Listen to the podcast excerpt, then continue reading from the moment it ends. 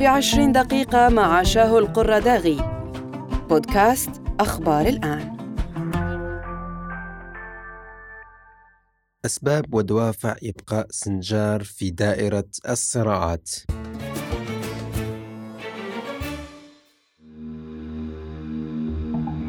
على الرغم من مرور أكثر من سبع سنوات على تحرير منطقة سنجار العراقية من تنظيم داعش الإرهابي ومرور أكثر من عامين على توقيع اتفاقية سنجار بين حكومة إقليم كردستان في أربيل والحكومة المركزية في بغداد لتطبيع الأوضاع في سنجار وإخراج المسلحين وفرض سلطة الدولة وبدء عملية إعادة الإعمار إلا أن المنطقة لا تزال تعاني من العديد من المشاكل والأزمات التي قد تنفجر في أي وقت حيث تعاني المنطقة من غياب الخدمات وتعطيل عمليات إعادة البناء والإعمار إضافة إلى انتشار الجماعات المسلحة والميليشيات التي تعرقل عودة الأهالي وعجز الحكومة عن فرض القانون والتسبب في بقاء هذه المنطقة في دائرة العزمات والصراعات. مرحبا بكم في حلقة جديدة من بودكاست في عشرين دقيقة نتحدث فيها عن أسباب ودوافع إبقاء سنجار في دائرة الصراعات وتعطيل الجهود التي تعمل على تطبيع الأوضاع داخل هذه المنطقة الاستراتيجية.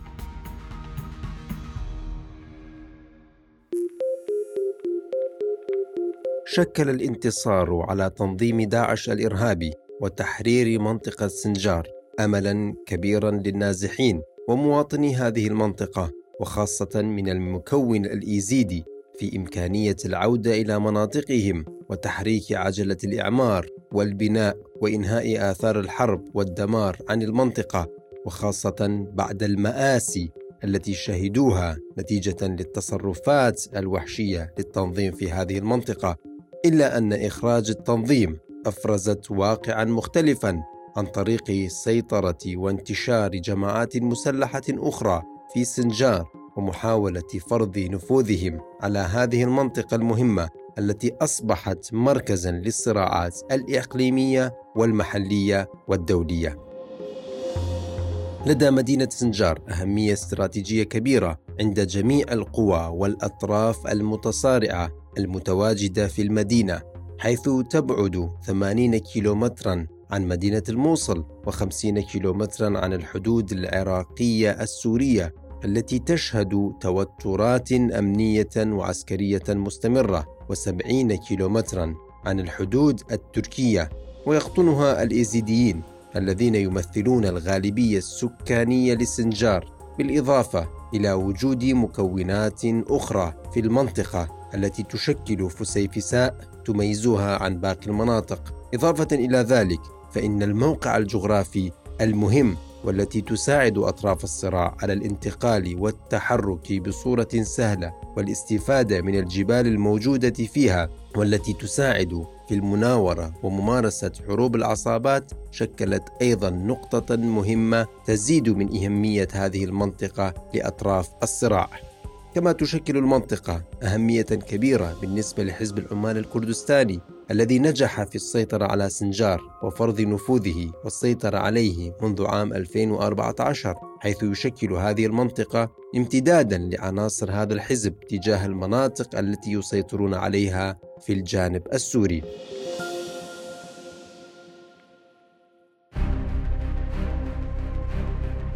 تنظر إيران إلى سنجار باعتبارها من أهم المحاور التي تربط محور المقاومة بسوريا وتمثل معبرا للطاقة وصولا إلى البحر الأبيض المتوسط. كون المدينة تشكل امتدادا لمدينة تل عفر تجاه سوريا.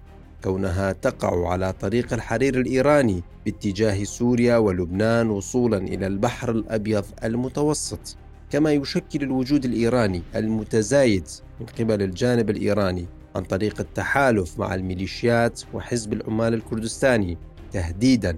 على الأمن القومي والمصالح التركية حيث تخشى أنقرة من تحول المدينة إلى قنديل آخر في العراق يهدد الاستقرار في الداخل التركي بسبب سيطرة وتواجد حزب العمال بصورة كبيرة في المدينة.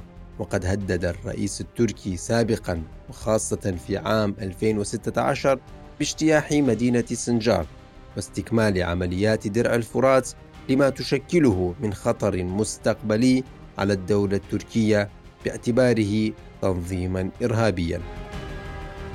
وقد أبرمت الحكومة العراقية في بغداد والسلطة المحلية في إقليم كردستان في التاسع من أكتوبر تشرين الأول من عام 2020 اتفاقا لتطبيع الأوضاع في مدينة السنجار برعاية الأمم المتحدة والتحالف الدولي بقيادة الولايات المتحدة الأمريكية.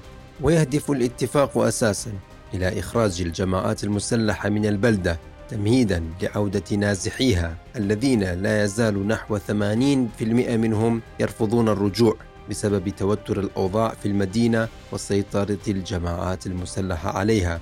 وتضمن الاتفاق ثلاثة محاور رئيسية وهي إداري وأمني وإعادة الإعمار. وبحسب المحور الإداري يتم اختيار قائم مقام جديد لقضاء سنجار والنظر بالمواقع الإدارية الأخرى من قبل اللجنة المشتركة المشكلة من الطرفين. أما المحور الأمني فتضمن أن تتولى الشرطة المحلية وجهازا الأمن الوطني والمخابرات حصرا مسؤولية الأمن في داخل القضاء وإبعاد جميع التشكيلات المسلحة الأخرى خارج حدود القضاء. وتعيين 2500 عنصر ضمن قوى الأمن الداخلي في سنجار وإنهاء تواجد منظمة حزب العمال الكردستاني من سنجار والمناطق المحيطة بها وأن لا يكون للمنظمة وتوابعها أي دور في المنطقة فيما شمل محور إعادة الإعمار تشكيل لجنة مشتركة من الحكومة الاتحادية وحكومة إقليم كردستان لإعادة إعمار القضاء بالتنسيق مع الإدارة المحلية في نينوى. وتحديد مستواها وتفاصيل مهامها من قبل رئيس مجلس الوزراء الاتحادي ورئيس مجلس الوزراء إقليم كردستان إلى جانب تشكيل لجنة ميدانية مشتركة لمتابعة تنفيذ سير ما جاء في الاتفاق.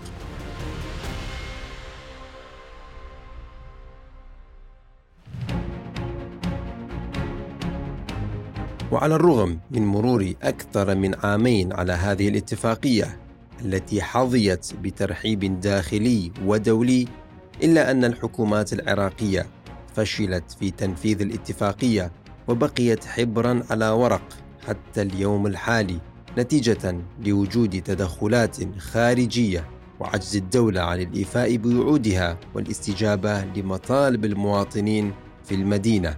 ومن الواضح أيضا أن هناك جهات داخلية في المدينة مرتبطة بأجندة خارجية تمارس نشاطات غير قانونية من عمليات التهريب وتجارة المخدرات ونشاطات غير مشروعة وتعمل على ترسيخ نفوذها داخل المدينة بصورة كبيرة ومتجذرة حتى لا تسمح بإنجاح اتفاقية سنجار والذي سيؤدي إلى إخراج هذه الجماعات من المدينة وإنهاء حالة الفوضى الذي يسهل من النشاطات الغير قانونية والغير مشروعية حيث سيؤدي الاتفاق إلى عودة القانون وإنهاء الفوضى وتجفيف منابع الجماعات المسلحة التي تستغل الصراعات وتخلق الأزمات لشرعنة وجودها وبقاء مصالحها بصورة أكثر.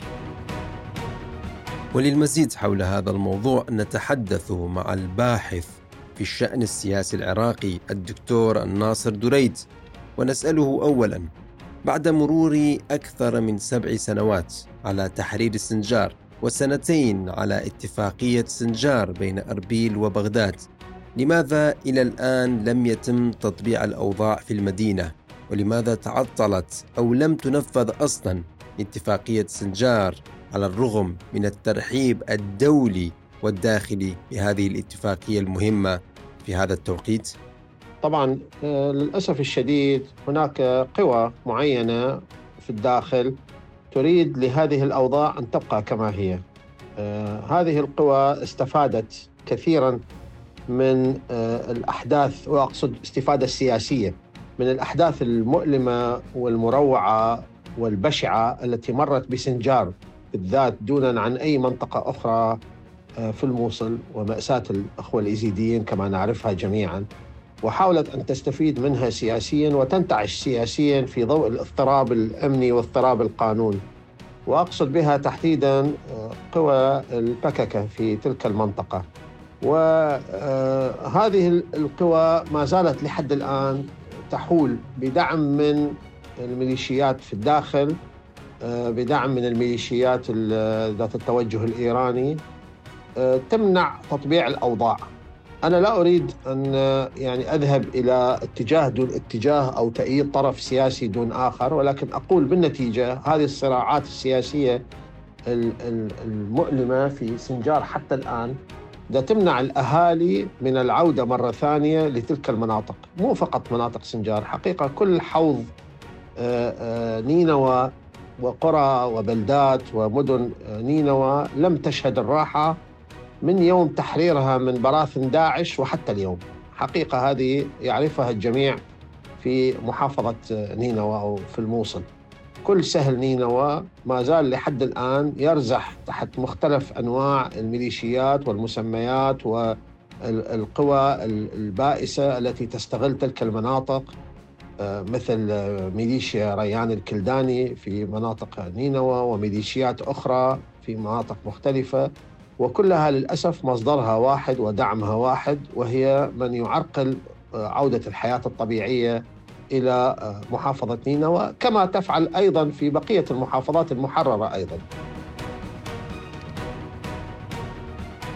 هل مشكلة سنجار ذات أبعاد محلية فقط أم إقليمية ودوليه أيضا ما يؤدي إلى تعقيد سبل الحل بصورة أكبر؟ أنا لا أستطيع أن أذهب إلى القول بأن هناك أبعاد دولية ولكن ربما هناك أبعاد إقليمية بكل تأكيد. وأقصد بذلك أن إيران تدعم آه، قوى الميليشيات وقوى الأحزاب من جهة وتركيا أيضا من الجهة الأخرى تدعم أيضا آه، قوى البارتي أو الإقليم كردستان في محاولة بسط نفوذه وسيطرت على آه، سنجار. وواقع الحال أنه آخر طرف في المنطقة آه، يعني ينبغي له ومحروم بنفس الوقت من إبداء رأيه في أوضاع سنجار هم أهالي سنجار للأسف الشديد. أهالي سنجار الذين تعودوا للأسف أن يكونوا على الهامش سواء على آه، هامش في زمن النظام السابق أو على الهامش في ظل الصراع الحالي بين الإقليم وبين بغداد. أو على الهامش في أي نقطة للأسف الشديد هم آه، ظلوا مرة يأخذون هذا الجانب ومرة يأخذون هذا الجانب والآن أصبحوا أيضا بدخول طرف جديد آخر غير الدولة العراقية وغير سلطة الإقليم اللي هو سلطة الميليشيات ومن وراءها ومعها البككة. دخل طرف ثالث في الموضوع لكي يزيد استلاب أهل المنطقة آه، لرأيهم ولقرارهم فيما يتعلق بمنطقتهم للأسف الشديد. وأخيرا من المستفيد من إبقاء الأوضاع في سنجار على ما هو عليه؟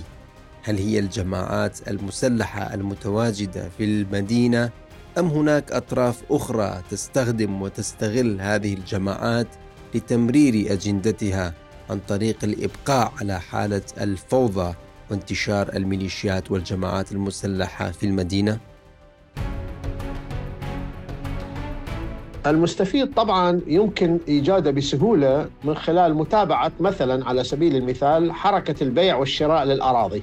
الأراضي في تلك المنطقة وفي كل مناطق سهل نينوى وفي كل حتى المحافظات إلى حد ما تجد انه هناك الجهات الرئيسية المنتفعة في حالات الاستيلاء على أراضي الناس ولا أقول بيعها وشرائها لأن البيع والشراء يتم عادة بالرضا أما غصب الناس أو سرقه أراضيهم بتزويرها في آه، يعني الطاب ودوائر الطاب ودوائر التسجيل العقاري وغيرها من الوسائل يثبت بكل وضوح أن هناك عمليات ممنهجة لاستهداف ملكية أهل المنطقة لمنطقتهم هذا وتحويلها إلى نوع من المحميات الديموغرافية الطارئة على تلك المنطقة مثل ما حصل في محافظات كثيرة في العراق. مثلا في جنوب العراق في محافظة الحلة حصل هذا الأمر وفي مناطق بغداد محافظات حوالي منطقة بغداد أو حزام بغداد كما تسمى في ديالى حصل الأمر أيضا وحصل أيضا في صلاح الدين وها هو يحصل الأمر في محافظة الموصل أو محافظة نينوى وفي مناطق سهل نينوى وفي سنجار أيضا على وجه التحديد ما دمنا نتكلم عن سنجار. هناك عمليات ممنهجة للاستيلاء على الأراضي للاستيلاء على آه، العقارات ربما للاستيلاء على البساتين في تلك المنطقة كلها تقوم بها عصابات الحقيقة باسم الطائفة وباسم المذهب وباسم الدين وباسم القومية وباسم مختلف الحجج والأعذار وكلها تريد شيء واحد هو السيطرة على هذه المنطقة واستثمارها لتعود لجيوبهم الحقيقة وهذه فد عملية بشعة هم استثمروا الوطن بأكمله نهبوا الوطن بأكمله. ولا يرضون بالنهب المال العام كله وإنما يدخلون في أموال الناس الخاصة وفي ممتلكاتهم لكي ينهبوها بهذه الطريقة البشعة. بالمناسبة دعني أقول أخي العزيز أستاذ شاهو أنا آه، سمعت أو قرأت طروحات الحقيقة يعني مغالية ومبالغة كثيرا في قضية سنجار وصلت إلى حد ربطها بطريق الحرير ووصلت إلى حد ربطها بقصص مختلفة وأنه هذا جزء من التآمر على طريق الحرير وغيرها من الكلام. هذا الكلام حقيقة فارغ لا أساس له من الصحة. وفي نوع من التهويل عندنا ناس تريد أن تهول الأمور وتدعي العلم بما لا تعلم به وبما لا تعرف به. فتصور محاولة الإقليم للسيطرة كأنها هي تخريب خط الحرير وغيرها من القصص المؤامرات. أنا لست ميال لهذا النوع من التفسيرات الغير صحيحة وأقول بأنه آه، قضية سنجار ببساطة هي قضية أرض ينبغي سرقتها كما تسرق الأراضي في كل مكان في هذا الوطن من قبل آه، جهات آه، مستقوية بالسلاح ومستقوية بسكوت الدولة الغائبة أو المنهارة أو الغير موجودة اللي هي الدولة العراقية سواء كان من الميليشيات سواء كان من الإقليم سواء كان من نفس الدولة ومن أفرادها ومن وزرائها ومن آه، آه، حكامها. فالدولة الغائبة تسمح باستلاب المواطن أينما كان وفي أي بقعة كان في هذا الوطن. تحياتي وشكرا لك جزيلا ما مستقيا دخول سنجار ضمن حدود المناطق المتنازع عليها بين أربيل وبغداد تسببت في الكثير من المشاكل لأهالي هذه المنطقة نتيجة لتنصل الحكومة المركزية في بغداد من المسؤولية وعدم استعدادها لإنهاء مشكلة المناطق المتنازع عليها بصورة نهائية عن طريق تنفيذ البنود الدستورية التي حددت ملامح وخطوات واضحة لإنهاء هذه المعضلة. ما فتح الباب أمام الكثير من الجهات الداخلية والخارجية لاستغلال هذه المشكلة ومحاولة تمرير أجندة تخريبية أثرت سلبيا على المنطقة وخلقت بيئة غير آمنة وغير مستقرة تشكل خطرا على المناطق الأخرى بصورة مباشرة وتعرقل عودة النازحين إلى مناطقهم. ومع تنصل الحكومة العراقية من مسؤولياتها تجاه المدينة والتراجع عن الاتفاقيات والتفاهمات والوعود التي قطعتها بخصوص الوصول إلى معالجات حقيقية وحلول منطقية وفرض القانون والدولة تقوم الجماعات المسلحة باستغلال ضعف الدولة لتعزيز وجودها داخل المدينة ما يؤثر سلبيا على مستقبل هذه المنطقة وقد يحولها إلى ساحة لتصفية الحسابات بين القوى المحلية والإقليمية والدولية والتي سوف تزيد من المشاكل وتؤدي إلى إبقاء النازحين في خيم النزوح وعرقلت عودتهم إلى مناطقهم. إلى هنا ننتهي من حلقة هذا الأسبوع من بودكاست في عشرين دقيقة تحدثنا فيها عن أسباب ودوافع إبقاء سنجار في دائرة الصراع من قبل الجماعات المسلحة المتواجدة في المدينة أو أطراف إقليمية أخرى تستفيد من إبقاء حالة الفوضى داخل هذه المنطقة الاستراتيجية في العراق. شكرا لكم لحسن الاستماع وإلى اللقاء في الحلقات القادمة